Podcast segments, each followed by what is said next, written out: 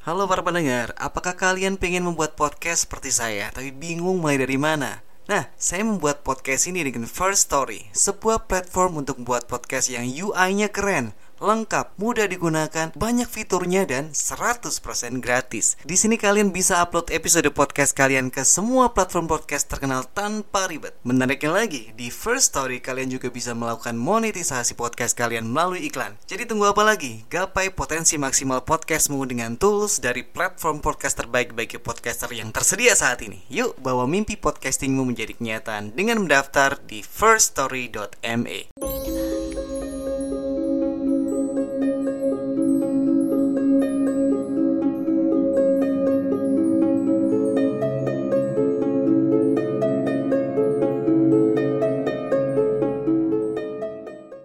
Selamat datang dan selamat malam. Saya Denny narator dari Rumah Horor Indonesia. Menyapa Sobat RI sekalian Semoga kalian semua dalam keadaan yang sehat Lancar, banyak rezeki. Dan hari ini saya akan membahas sebuah mitos. Dan langsung saja inilah dia Mitos Genderuwo. Ini saya bacakan dari tulisan Mas Billy dari ceritamistis.com Nama asli Genderuwo diduga berasal dari Gandarva Bacanya Gandarwa juga sih. Dulu di tanah Nusantara ini masih kental dengan nilai-nilai Hindu dan Buddha Sehingga masyarakat setempat sudah mengenal nama Gandarva Atau yang selanjutnya saya akan baca dengan Gandarwa.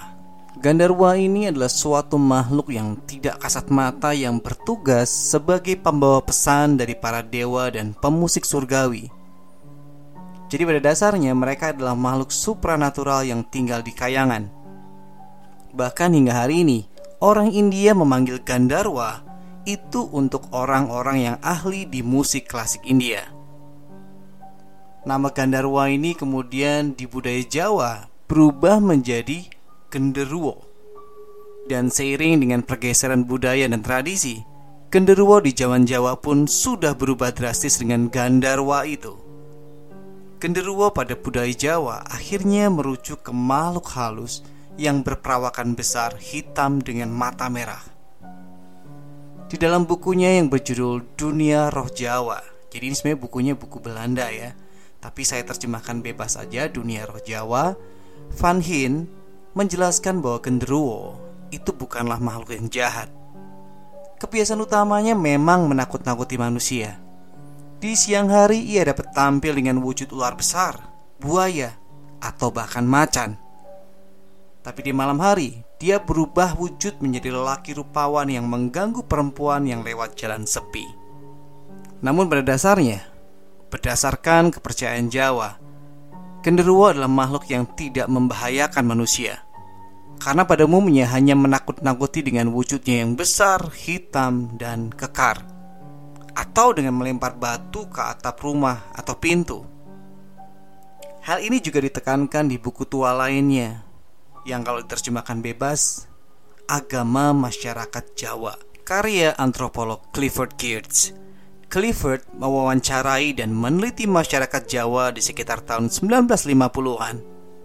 Menurut isi bukunya, genderuwo pada dasarnya tidak ada niat jahat dan tujuannya adalah untuk menakut-nakutin saja. Pada suatu ketika, sebut saja namanya Pak Paidin, tiba-tiba terjatuh dari jembatan selagi berjalan. Ketika dia terjatuh ke air, sesosok menahan tangannya. Dengan bahasa Jawa kuno atau klasik, sosok itu bertanya apakah Paidin baik-baik saja. Namun menurut Clifford, betapapun genderuwo menyukai lelucon, makhluk ini juga bisa berbahaya. Seringkali mereka muncul dalam wujud orang tua, kakek, anak, atau saudara kandung sambil berkata, Hei, ayo ikut aku. Jika orang tersebut menuruti ajakannya, maka dia akan menjadi tidak terlihat. Keluarga yang kehilangan akan mencarinya sambil memukul pacul, arit, panci, dan alat-alat yang menghasilkan suara bising. Suara gaduh itu yang akan mengganggu genderuwo sehingga mungkin mau melepaskannya. Atau pada saat genderuwo menawarkan makanan kepada si korban, kalau korban memakannya, dia akan tetap tak terlihat. Kalau menolaknya, dia akan tampak lagi dan keluarganya akan menemukannya. Kasus lain yang berbahaya adalah genderuwo terkadang bisa meniduri wanita manusia. Kadang-kadang, menurut Clifford, genderuwo mampu menyamar menjadi suami seorang perempuan lalu menidurinya. Maka lahirlah anak yang menyerupai raksasa. Berdasarkan catatan Clifford, dia mendapatkan informasi di Mojokuto ada seorang yang tampangnya besar, hitam, bentuknya aneh, yang konon dipercaya hasil dari genderuwo dan manusia. Usianya hanya sampai usia 16 tahun lalu meninggal.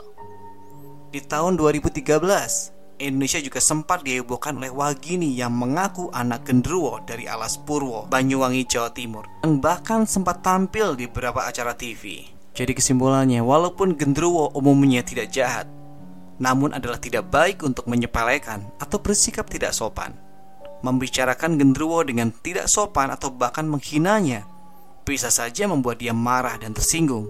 Jadi sebaiknya kita selalu bersikap sopan di mana pun kita berada, baik yang terlihat orang maupun yang tidak terlihat orang. Oke Sobat TRI, itulah akhir dari cerita kita pada malam hari ini. Semoga bisa menghibur kalian dan kalau kalian punya cerita yang ingin saya bacakan silahkan kirimkan ke denny.tristanto1104 Sampai ketemu di cerita atau mitos yang lainnya lagi. Selamat malam, selamat beristirahat